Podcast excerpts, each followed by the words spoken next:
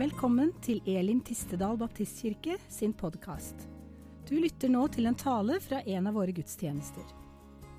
Det som jeg har lyst til å si noe om i dag, er noe som jeg prøver å fortelle meg sjøl igjen og igjen. Eh, og minne meg på, fordi at jeg er veldig dårlig på, på dette her sjøl. Men jeg syns ofte er det vanskelig å se sin egen verdi. Se hvor verdifull man er. Man, det er mye lettere å se uh, og tenke på alle ting man burde ha gjort, alle ting man burde ha vært, alle ting man uh, gjør feil osv. Og, så videre, og, så og så ser man kanskje på seg sjøl som, som uh, mindre verdt enn det man egentlig er. Så det jeg håper jo at etter mine sånn rundt omkring 20 minutter som jeg skal si noe her, så håper jeg at du sitter igjen med at Wow, du er faktisk verdifull. Du er unik. Du er skapt med en hensikt. Så det jeg skal snakke om, er din verdi. Eh, og Nå er det jo sånn, nå har de aller fleste barna eh, gått ut og skal gjøre morsomme ting. Nå har vi gjort mye morsomt her inne òg, for alt i verden. Eh, men jeg, jeg må innrømme at jeg er en litt sånn medienerd. Jeg liker liksom å bruke litt film og litt sånn data og sånne ting i, i ting som jeg gjør. Det er bl.a. noe av det jeg jobber med. i tillegg til å være her. Så vi skal se en liten film. Nå har ikke jeg advart Gjermund om det, men eh, det er bare lyd på dataen, så det skal gå fint. Jeg eh, skal vise en liten videosnutt som eh, de av oss som har lest en del i Bibelen, vi vil ganske fort kjenne igjen hva denne lille animasjons-slash-tegnefilm-tingen her illustrerer et bilde på. Skal jeg si litt mer rundt det etterpå. Har noen som skjønte hvilken eh, bibelfortelling dette handler om? Det handler om en eh, historie om en, eh, om en eh, sauegjeter som eh, har 100 sauer. Og så gjør han en opptelling, og så ser han at det mangler en. Eh, vi skal ta oss tid til å lese den, den delen fra Bibelen som, som, dette handler om. Da. Da står det i Lukas kapittel 15, vers 4-7. Dersom en av dere eier 100 sauer og mister en av dem, lar han ikke da de 99 være igjen ute i ødemarken og leter, leter etter den som er kommet bort, til han finner den. Og når han har funnet den, blir han glad og legger den på skuldrene sine. Straks han kommer hjem, kaller han sammen venner og naboer og sier til dem.: Gled dere med meg, for jeg har funnet igjen den sauen som var kommet bort.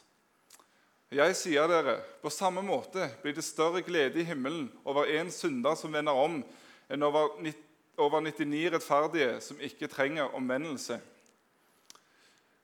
Så er dette et bilde på altså, ja, Hvis vi drar dette her inn i en litt sånn mer moderne kontekst Si at du er, med, altså, du er en mamma eller en pappa, og du er, har med familien din med tre unger.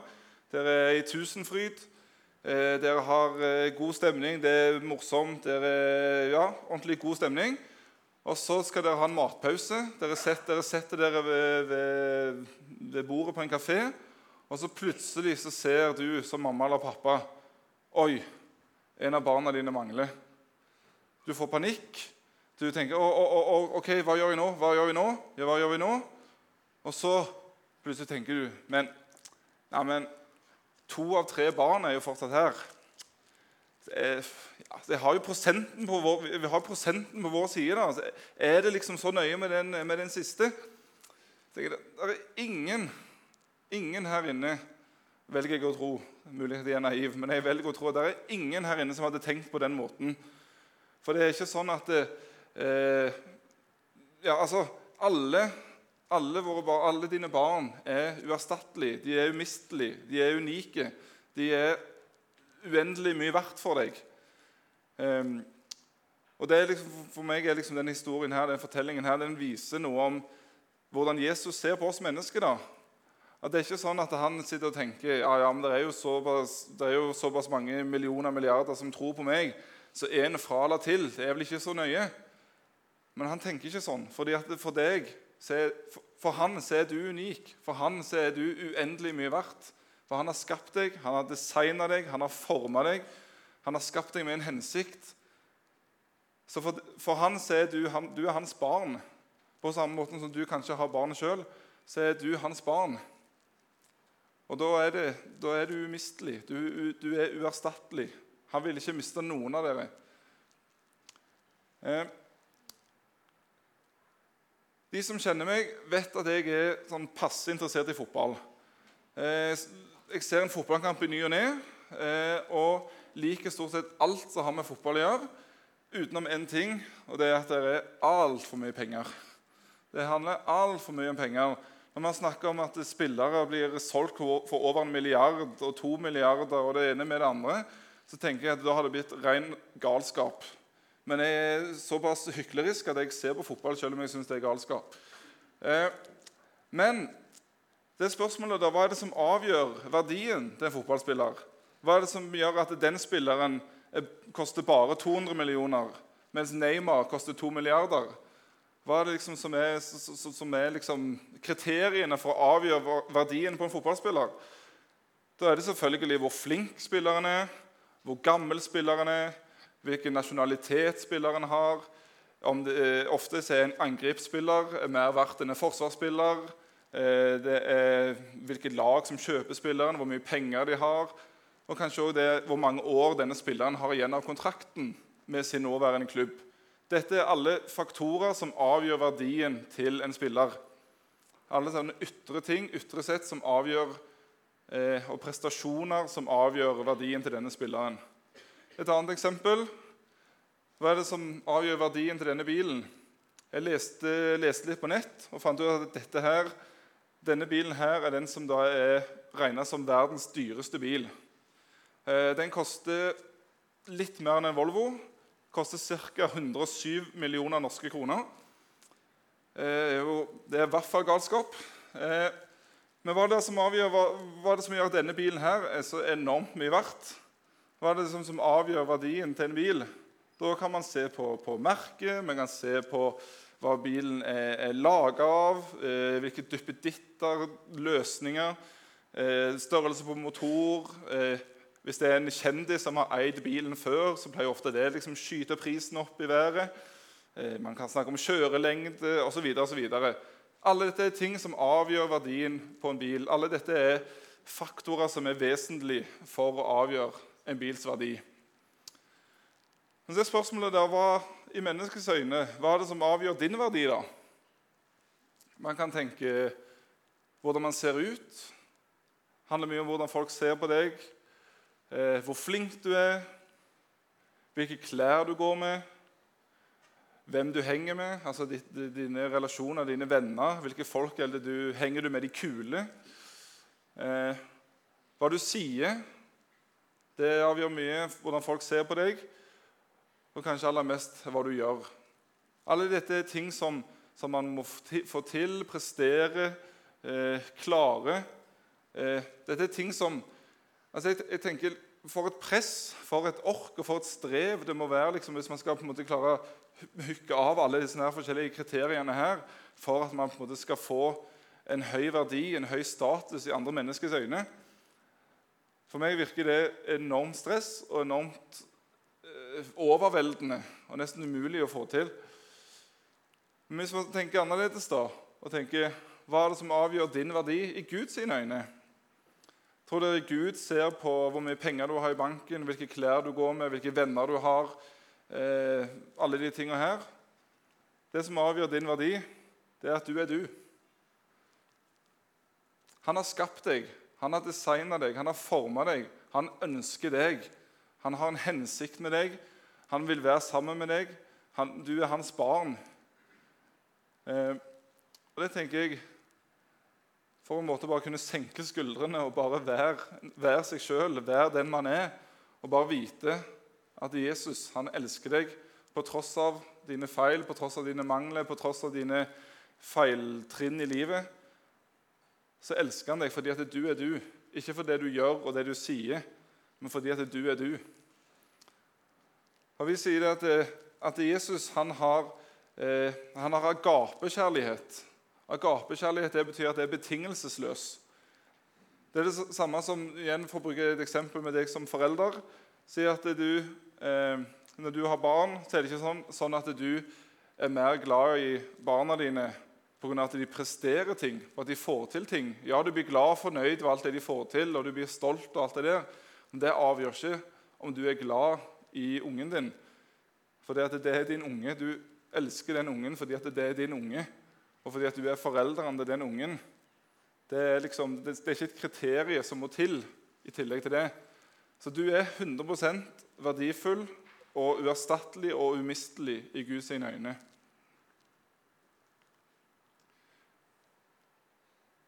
Dette bibelverset her, det er vel kanskje det bibelverset som, folk, som flest folk kan utenat. Eh, det er det som vi ofte kaller bare for den lille Bibel. Fordi det oppsummerer hele vårt trosgrunnlag. Det oppsummerer egentlig det som står i Bibelen. Var det liksom hoved, Hovedgrunnlaget, hovedbudskapet i det, det, som står i Bibelen, det i, omfattes i de, i de setningene der. Og det har jeg lyst til å utfordre deg når, du, når, når, jeg leser dette her. Hvis du da bytter ut verden med å heller tenke ditt navn Si at I mitt tilfelle da, så kan jeg si For så høyt har Gud elsket Thomas, at han ga sin sønn den enbårne, for at Thomas, som tror på ham, ikke skal gå fortapt, men ha evig liv. Man tenker kanskje hvordan, hvordan, kan man best forklare Hvordan kan man best måte, beskrive den kjærligheten som Jesus har til deg. Og det er, umulig, det er veldig vanskelig å forklare, men for meg så den, kanskje den beste måten å forklare hvor verdifull og hvor høyt verdsatt du er i hans øyne, det er å tenke på det offeret som han gjorde, den prisen som han betalte. For jeg tror at Jesus han ble hengt på et kors for deg og for meg. Han tok den straffen som vi skulle ha. Den tok han. Selv om han var feilfri, så var han villig til å ta den straffen. Fordi det er sånn at Gud han er perfekt, og han kan ikke ha kontakt med det som er urent, det som er synd. Og Vi mennesker vi klarer ikke å leve rett. Vi gjør dumme ting, vi gjør feil. Vi bommer på målet. Og Da synes jeg det er et veldig fint bilde hvis man ser for seg at man har Gud på ene sida av korset, og så har man vi mennesker på andre sida av korset. Eh, og Vi er på hver vår liksom, eh, si, fjelltopp eller noe sånt. Eh, og så Idet Jesus døde på korset og tok straffen for oss, så blir den eh, vannrette delen av korset det blir som ei bro som hjelper oss og Gud til å kunne være sammen. Og Det er noe som vi fikk totalt ufortjent. Vi kan aldri gjøre oss fortjent til det offeret som han gjorde, men det er noe som vi må ta imot. Og det er litt sånn I, i, dagens, i dagens, samfunn så er det litt sånn hvis noen kommer og, og, gir deg noe gratis, så blir man litt sånn OK, er det noen baktanker her? Er det noe, ok, Hva er det du egentlig vil? Har du tenkt å spørre meg om et eller annet? Er dette en sånn smøringsgave? Eh, liksom, man, man, man, man, tenker liksom at man kan jo ikke få noe gratis. Man må jo alltid gi noe for å få noe. Og Det er det som for mange er vanskelig å skjønne. At med Jesus så har han betalt hele prisen. Han har betalt alt. Han har gjort det. Det eneste vi trenger å gjøre, er å si takk og amen. Vi ønsker å ta imot. Og For meg er det det som, er, som avgjør min verdi. Det er en eh, lovsang som jeg eh, hører på igjen og igjen. En som heter 'Good Good Father'. Eh, og Der er det en del av i refrenget der, der de synger 'And I'm loved by you. That's who I am'. For meg det er det jeg tenker, prøver så godt som jeg kan og tenke om meg sjøl at min identitet og min verdi den er målt i at Jesus elsker meg. Han betalte prisen for meg. Han gjorde sånn at vi, meg og han vi kan ha en relasjon. Og det gjelder for deg òg. Det gjelder for oss alle at vi må ta imot, for han har betalt prisen for alle. Jeg er sikker på at, det, at når Jesus hang på korset, så hadde han helt sikkert en måte han kunne klare på et eller annet vis å komme seg ned fra det korset. Eh, det er ikke først og fremst bare naglene som holdt han fast på korset, men jeg tror at det var tanken på deg, tanken på meg, som gjorde at han holdt ut. Fordi at han elsker deg, han elsker meg, og han vil oss det aller beste. Derfor holdt han ut den, den prøvelsen. Og det er din verdi. Mitt kanskje favorittvers over alle det er Stefania 3,17. Her òg kan du gjøre det personlig så kan jeg tenke Herren til Gud er hos deg, en helt som frelse. Han fryder og gleder seg over deg og viser deg på ny sin kjærlighet. Han jubler over deg med fryd. Det er mitt kanskje som sagt, favoritt-bibelvers, men samtidig er det også utrolig vanskelig å på en måte bare ta inn over seg. For Jeg tenker veldig fort på alle ting som jeg gjør som jeg ikke burde, og alle ting som jeg ikke gjør som jeg burde gjøre. Og så tenker jeg, Kan virkelig Jesus se på meg og glede seg og fryde seg og juble? Det er vanskelig å helt skjønne, det er vanskelig å helt på en måte catche. Men jeg velger å tro at det er sant. Jeg velger å tro at det er sånn det er. Eh, og det tenker jeg For meg er det, mye mye viktigere enn hvordan mennesket måler på en måte min verdi. For det, min verdi den ligger i at jeg elsker Jesus, og han elsker meg. Eh, jeg elsker han, og han elsker meg. Det er for meg det viktigste av alt. Eh, og Gud, Jesus, er alltid der. Han ønsker fellesskap og ønsker kontakt med oss. Og vi har en oppgave, og det er å si ja. Så hvis vi kan si hva som er din verdi, hva som er, hvis vi på noen som helst måte skal kunne måle din verdi, så er den uendelig. I Guds øyne er det uendelig verdifull. Og Det håper jeg at du skjønner, det håper jeg at du klarer på en måte bare ta inn over deg. Og det er litt sånn, Når, eh, når Jesus døde på korset, så var han jo ikke alene. Der var to røvere der i tillegg på sida som også hadde gjort eller som ikke også hadde, som hadde gjort mye kriminelle handlinger, som hadde gjort mye dumt. Eh, han ene han bare spotta Jesus og liksom Aha, du er liksom verdens frelser. Hvorfor henger du her, liksom? Mens han andre han sa til Jesus, 'Husk på meg når du kommer til paradis.' Og Da var det ikke sånn at Jesus sa, begynte liksom å, å se i loggboka og tenkte nei, du har levd dette livet her, du har gjort sånn og sånn og sånn, du har behandla andre sånn og sånn, du har gjort de og de kriminelle handlingene, så sorry, det er ikke godt nok at du bare sier eh, 'husk på meg'. Men Jesus sier 'i dag skal du få bli med meg til paradis'. Og Jeg tror ingen her inne har gjort og begått sånne lovbrudd som han røveren gjorde. Men han var god nok fordi at han er skapt av Gud. Han er, er Guds barn. Og han sa, 'Husk på meg'. Så det er min utfordring og min oppfordring eh, og mitt ønske for deg. Jeg vet ikke hvor du står hen. Jeg vet ikke om du tror mye eller lite. Jeg vet ikke hvilke erfaringer du har med i ditt liv, om du har dårlige erfaringer med, med, med kirke eller hva du har. Men jeg håper at du skjønner hvor verdifull du er, at du er elska, og at det for deg handler det om å ta imot sånn som jeg har gjort. Jeg tok imot den gaven for mange år siden, eh, og jeg får leve et liv sammen med Jesus. Det er ikke et liv med, der alt går på skinner og det er livet en dans på roser. Men jeg vet at uansett så er Jesus der. Jeg vet at uansett så er han der, og han passer på meg, og han vil det aller beste for meg. Så etter hvert nå så skal vi gå i gang med en, eh, med en bønnevandring. Det er noe som vi gjør ukentlig her på Elim. Eh, og Det er ikke en sånn magisk uh, greie. Det er ikke noe sånn eh, hokus pokus i den forstand. Uh, men vi mennesker vi har ulike behov for å respondere på ting. Vi har ulike behov for å, å gjøre handlinger, gjøre liksom en, en, en, greie. da. og Da er det mulig å tenne lys. Ingen, igjen, ingen magiske lys, det er helt vanlige lys. Men det er når du kan tenne et lys for en person, en situasjon, noe du ønsker liksom å gjøre en handling i forhold til. det. Det kan både være en bønn og kan også være en takk.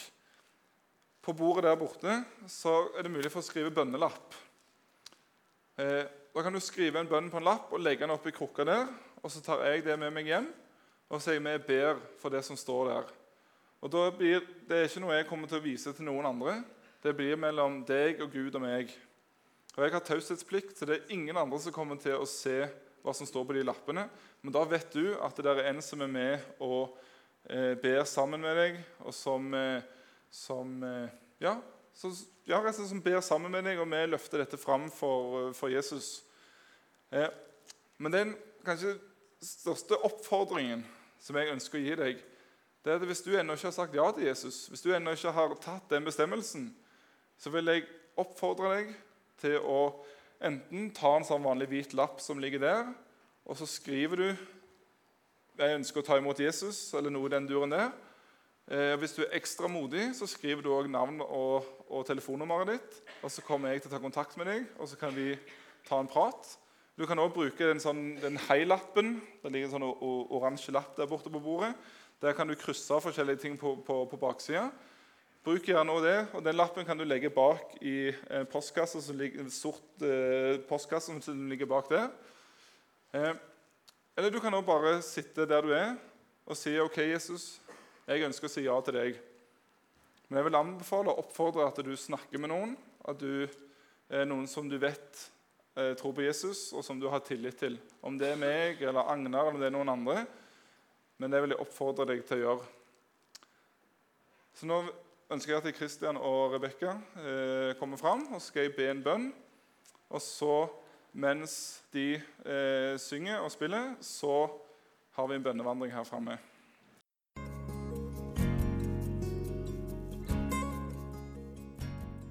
Takk for at du lyttet til denne talen. Håper du ble inspirert. Ønsker du å vite mer om hvem vi er og hva vi gjør? Sjekk ut vår hjemmeside elimtistedal.no.